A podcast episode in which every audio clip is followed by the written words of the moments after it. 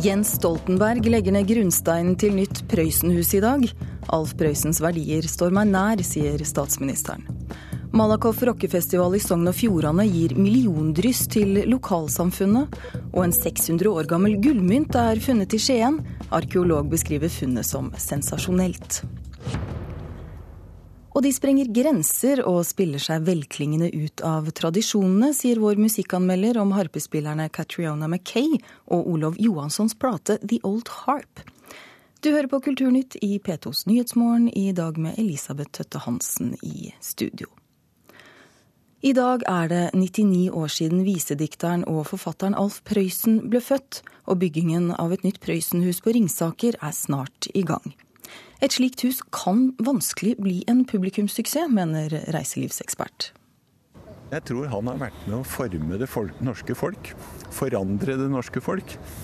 På en mild, snill og en positiv måte. Investor Arthur Buchardt er nok over gjennomsnittet begeistra for Alf Prøysen. Å du gode sparegrisen min. Han har lagt til side 35 millioner kroner til et nytt Prøysenhus, som statsministeren senere i dag legger ned grunnsteinen for. Det er jo da 99 år siden Alf Prøysen ble født. 23. juli. 2013 eh, klokka 13 skal den legges ned. Og så skal vi åpne Prøysenhuset 23.07.2014 klokka 14. Huset er tegna av Snøhetta og skal ligge rett sør for Prøysenstua, hvor Alf Prøysen vokste opp. Det skal være en arena til å vise hva Prøysen har skapt. Og det skal også være rom som gir assosiasjoner til hans forfatterskap. Og så skal det være enkel eh, visualisering av hans eh, barndom og oppvekst og liv er en nyttig ting, kan ingen komme fra. Vi møter alltid veldig stor entusiasme akkurat når man foreslår å bygge noe. Tor Fluggenfeldt, førsteamanuensis i reiseliv ved Høgskolen i Lillehammer, mener et nytt hus ikke nødvendigvis har så stor nytte. Altså, Om jeg tar feil, så hadde det jo vært forferdelig hyggelig for de som setter i gang. Men vi har vel sett på alt det som dreier seg om forfatterskap og tilsvarende ting, at det er et forferdelig krevende arbeid å få til. De siste åra har omtrent 8000 besøkt selve utstillinga på Prøysenhuset. Tallet er omtrent 20 000, og man regner med konserter og andre spesielle arrangement. Floggenfeldt tror det blir vanskelig for det nye Prøysenhuset å trekke til seg stort flere. I tilfelle Prøysen og barn, så har man jo en av de største attraksjonene for barn, iallfall i indre Østlandet, det er eh, Hundefossen familiepark. Og det har vist seg med mange studier at det er veldig vanskelig å ligge i nærheten av en stor attraksjon. Familie besøker ikke to ting etter hverandre som er av noenlunde likhet. Men at andre attraksjoner kan være til hinder, det er ikke Arthur Buchardt enig i. Nei. Tvert imot så er det positivt. Og det som også er positivt, det er jo at man har begynt å diskutere nå at Prøysenhuset kanskje kan ha et samarbeid med Sigrid Undset på Maihaugen og Bjørnson på Aulestad. Her er det bare vinn-vinn. Tidligere i år avgjorde Ringsaker kommune at de vil drive senteret sjøl, uten å være del av Hedmark fylkesmuseum. Om ett år skal huset stå ferdig. Ikke noe problem, mener Buchardt. Har man eh, noen utfordringer framover i det prosjektet her? Nei. Ingen? Nei. Ikke dårlig tid? Nei. Ja, Reportere her det var eh, Martin Hotvedt og Sondre Bjørdal.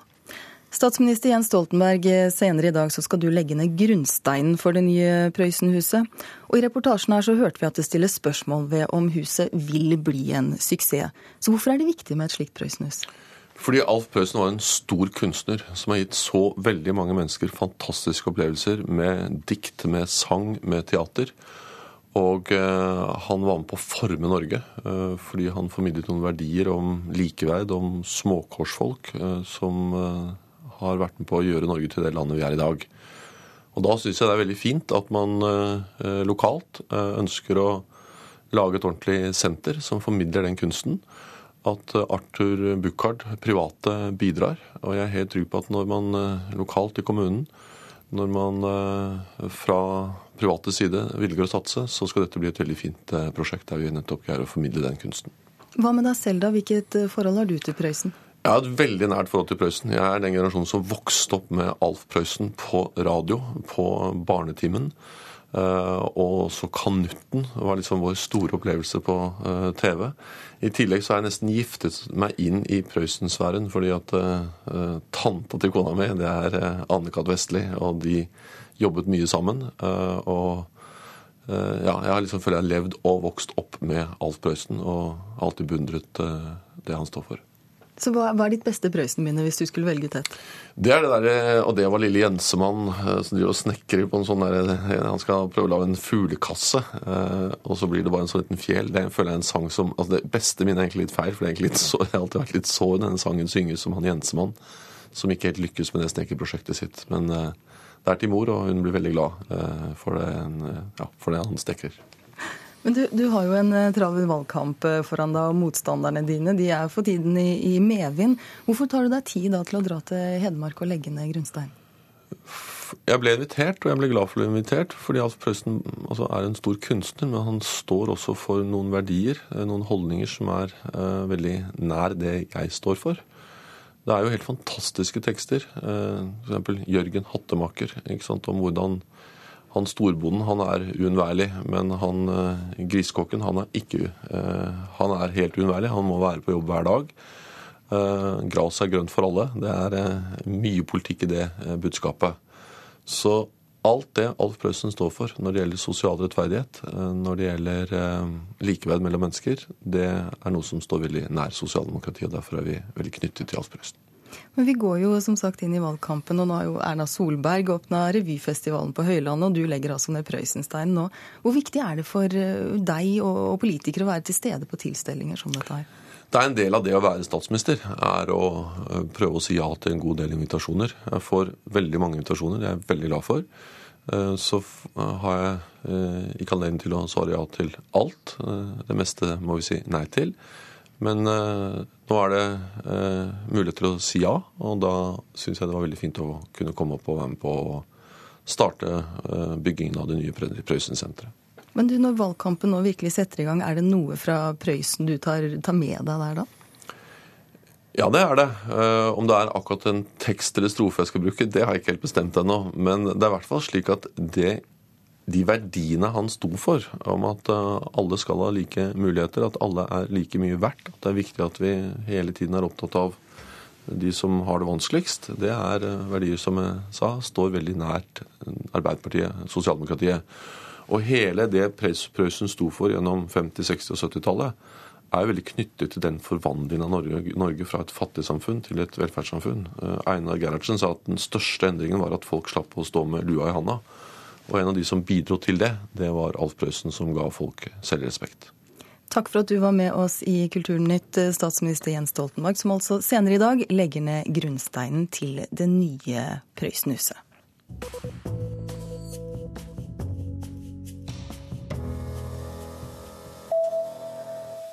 Malakoff rockefestival i Sogn og Fjordane gir milliondryss til lokalsamfunnet. Tusenvis av tilreisende og et publikum på vel 20 000 gjør at festivalen skaffer store inntekter til organisasjoner og næringslivet. Med ei rive blir torva forsiktig tilråka på plassen på Nordfjordeid. Therese Solibakke, som er kasserer i Brygja idrettslag, er en av mange som bruker tid før, under og etter festivalen til å skaffe penger til sin organisasjon. Nå har vi vært med oss og rydda, tatt amfiscener, ordna området der med forruska og søppel og sånn. Festivalen har ikke det endelige tallet, men regner med at godt over 1 million kroner drysser ned på organisasjonslivet i distriktet.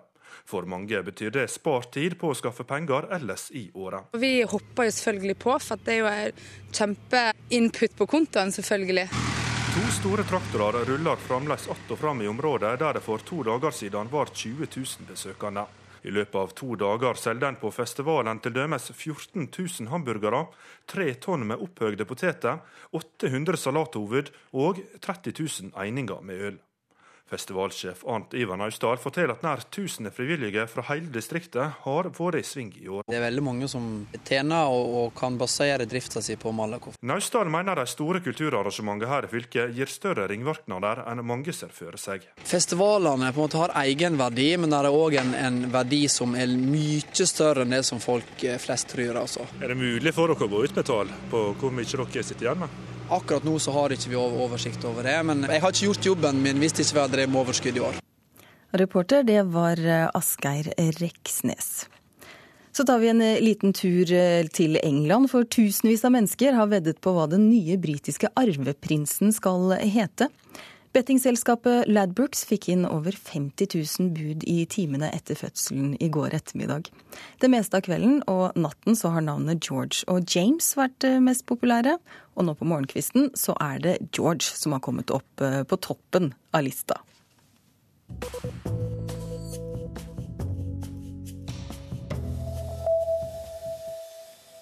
I forrige uke ble det funnet en helt spesiell gullmynt i Skien. Ifølge fylkesarkeologen i Telemark er mynten som har vist seg å være nesten 600 år gammel, et sensasjonelt funn.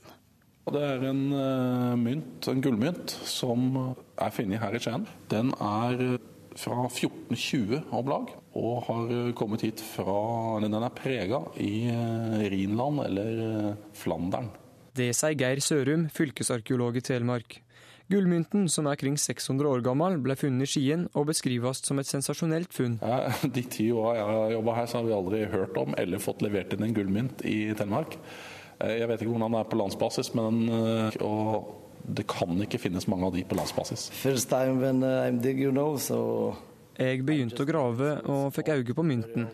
Etter hvert skjønte jeg at den var gammel. Så så jeg det, det var jo gull. Det sier Raimundas fra Litauen. Han har som hobby å leite etter gamle verdifulle gjenstander med bruk av metalldetektor. Hvorfor mynten er her i Telemark er ikke noe endelig svar på, men arkeolog Sørum har noen tanker. På 1400-tallet var den store inntektskilden i Skien det var brynsteinshandel. Jeg tror denne her er en del av det. Uh, Brynsteinshandelen gikk internasjonalt, det var derfor Skien ble en by. Gullmyntens vei videre går til eksperter innenfor mynter i Norsk numismatikkforening. Mynthandler og styremedlem i foreninga Gunnar Thesen lot seg òg begeistre over funnet. Jeg synes jo det er historisk veldig morsomt, for dette er jo en gullgylden. Og det at denne mynten er funnet i Norge og har vært bruk i handelen i Norge 100 år før vi selv preger gullgyldener, er jo det morsomme med denne mynten.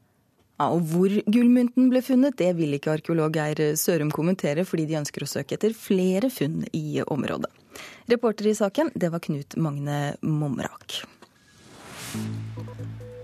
Klokken er 16 minutter over åtte. Du hører på Kulturnytt i P2s Nyhetsmorgen, og her er de viktigste sakene i nyhetsbildet akkurat nå. Brudd på menneskerettighetene gjør at Norge må slutte å selge militært utstyr til Emiratene, mener Rødt. Vi bør slutte å sette næringsinteressene høyere enn menneskerettighetene. Vi bør i stedet si at nok er nok. Det sa Rødt-leder Bjørnar Moxnes. Viktig for elever at de lærer om norsk arbeidskultur, mener Norsk Industri.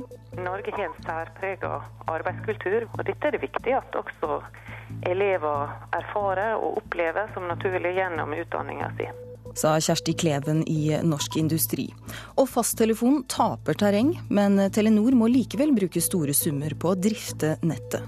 Den, den nedadstigende kurven med hensyn på antall kunder på fastnettet, så så har vi også en økende grad av eh, utgifter og tap på, på å drifte dette systemet.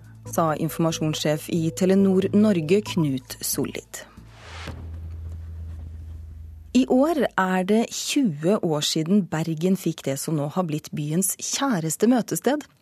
Opprinnelig var steinskulpturen Den blå steinen en gave som kommunen ikke visste hvor de skulle plassere, nå er steinen et kjent møtepunkt både for innbyggerne og tilreisende. Alle vet hvor det er, og sentralt og enkelt. Og Vi skal ha et utgangspunkt før du skal begynne å frempå, gå ut og gjøre noe. Så er det alltid greit å møtes her. Det er få skulpturer som får en så kjær plass i hverdagslivet som Den blå steinen har fått i Bergen. Skal de en tur på byen, på kino eller ut for å ete, så møtes bergenserne ved Den blå steinen først. Veldig greit å ha et sted bare å møtes, og så tar man det derifra, egentlig. På Olav den femtes plass mellom Torgallmenningen og Torgaten, midt i hjertet av byen, ligger den ni meter lange rektangulære steinplata og heller skrått mot nordøst. Akkurat passe til å lene seg mot, sitte på og hvile på. Veldig god å sitte på. Ja. Utrolig fin. Ja, det er er det.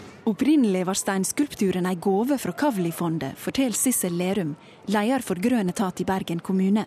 De feiret jo Kavli 100-årsjubileum, og så ville de gi uh, kommunen en gave. Og det er jo ikke helt uvanlig at det skjer. Og da er det ofte en utfordring å finne plassering. Tidlig på 90-tallet lå det ei trafikkert rundkjøring på staden, og Torgallmenningen var under opprusting til hissig debatt. Vi ville gi en markant uh, gave som kunne en, uh, ha en plusseffekt i uh, byrommet. Debatt ble det også om den blå steinen, forteller daværende styremedlem i Kavli-fondet, Erik B. Hjort. Eh, diskusjonen gikk jo litt på eh, hva, hva er det spesielle med en stein. Men kommunen rydda likevel vei for forslaget. 20 år seinere er steinen et begrep i Bergen. Er den blå? Den er blå. Nærere bestemt brasiliansk sodalitt. En av få blå steinarter i verden, forteller billedhogger Asbjørn Andresen, som er kunstneren bak. Så jeg ville ha noe som ikke var vanlig å se i naturen, og blå stein finnes det ikke mange av. I dag er den blå steinen møtepunkt både på hverdager og festdager og politiske markeringer, men også en stad å samles i sorg. I etterkant av terrorangrepene 22.07 for to år siden var det på den blå steinen bergenserne la ned blomster og tente lys i medkjensle med ofra. For eh, både enkeltpersoner sier det at vi møtes ved den blå steinen, og og eh, ikke minst var det, gjorde det jo et veldig inntrykk på oss da eh, når 22. Eh, juli at da ble den blå steinen markeringsstedet i Bergen. Den, den ble, det er først og fremst et møtepunkt, men så ser du også at det, den gir noe i seg selv, sånn at folk går opp på den. Og det blir tatt veldig masse bilder her. Og jeg har hatt mange befaringer også med utlendinger, og de blir bare vilt begeistret. Og da er det jo noe med, med kunst som gjør at det gir en opplevelse. Er du overraska over at den har fått en sånn sentral plass? Nei, det høres kanskje håmodig ut, men det er jeg ikke. Jeg satte den opp en, en vinterdag eh, for 20 år siden. Det snødde, det var eh, ganske guffent vær i Bergen. Og eh, jeg hadde ikke satt den ned før folk begynte å komme seg. Det var to arkitektstudenter fra Bergen arkitektskole som kom og satte seg på stenen med en gang og sa dette liker vi. Ja, Det sa kunstner Asbjørn Andresen, og reporter var eh, Turi Rogne. Nå skal vi snakke om mat, for i morgen braker Gladmatfestivalen i Stavanger løs for 15. gang. Etter to år med underskudd og svak økonomi har ledelsen nå tatt nye grep, og satser friskt på at årets festival skal bli en suksess. Vi har fått flere nye sponsorer. Eh, vi har vel ikke én eneste generalsponsor, men vi har mange nye hovedsponsorer, og det er veldig gledelig. Styreleder Cornelius Middleton er optimistisk etter to økonomisk knallharde år etter at Utøya-tragedien satte en brå stopper for gladmat. Hovedårsaken ligger dessverre i tilbake to år, i uh, juli 2011, da vi måtte stenge en dag. Det gjorde at vi fikk en del kostnader uh, det året, og det gjorde òg at vi mistet uh, verdifull tid for innsalget eh, for fjorårets eh, arrangement. I fjor ba han aksjonærene betale 5000 kroner per aksje for å dekke underskuddet. Det gikk eh, jeg vil si middels. Vi fikk inn 80 000. Eh, potensielt kunne vi fått den 240. Vi visste at det var vanskelig, men vi hadde håpet på noe mer. Vi hadde vel håpet på et sted mellom 100 og 150. Men initiativet bar likevel frukter for gladmat. Det bidro til å skape en oppmerksomhet som var positiv, i forhold til at vi fikk god drahjelp av andre. Bl.a. Stavanger kommune innså at eh, skulle vi få til en ordentlig festival i 2013, så var det nødvendig med et løft i tilskuddet derfra. Vi har også fått med mange andre nye sponsorer. Restaurantbransjen har stilt opp fantastisk, og vi tror at det blir en kjempegod festival i år. I strålende sol heises taket opp på den svære hovedscenen som står midt på torget. Daglig leder i Gladmat, Mona Værvik, smiler fornøyd og er forventningsfull. Ja, Nå er jo arenaen eh, klar. Alle telt er oppe. Veldig mye på plass. Og snart er òg scenen eh, på plass. Har en stor og flott scene som skal fylles med veldig mye moro. Og den er større enn noen gang, den scenen. Og vil ha, der vil det være konkurranser og show det vil være artister der. Og i det hele tatt, men vi ser med den, eh, det fine været som vi har nå òg, så tror jeg det blir en fryd å sitte i togtrappene og la seg inspirere og underholde av det som skjer på scenen. Hvordan er det å være deg disse dagene? Det er en glede, det, faktisk. For folk er, er så forventningsfulle og glade, de som jeg treffer på av utstillere. Det er jo akkurat nå det som er kjekkest å ha denne jobben. Du er veldig slank. Regner du med at du kommer til å legge på deg når dette er ferdig? Definitivt ikke akkurat disse fire dagene, for vi har jo ikke tid til å spise. Det er jo litt av det komiske når det gjelder administrasjonen. Vi springer hele dagene.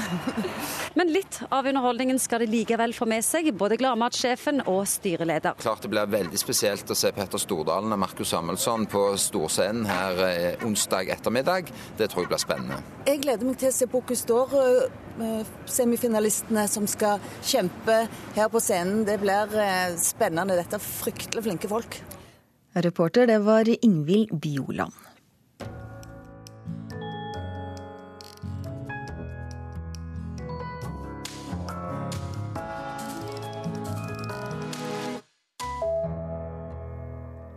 Vi tar også med at politiet i Buskerud måtte ha hjelp fra brannvesenet i natt for å pågripe en mann som spilte det politi politiet karakteriserer som særdeles høy musikk. Med stigebil kom politiet seg inn i leiligheten i andre etasje og pågrep mannen som hevdet at han spilte så høy musikk for å feire den britiske kongefødselen. Kulturnytt er slutt for denne gang. Produsent har vært Eivind Våge. Tekniker Per Ivar Nordahl. Og i studio Elisabeth Tøtte Hansen.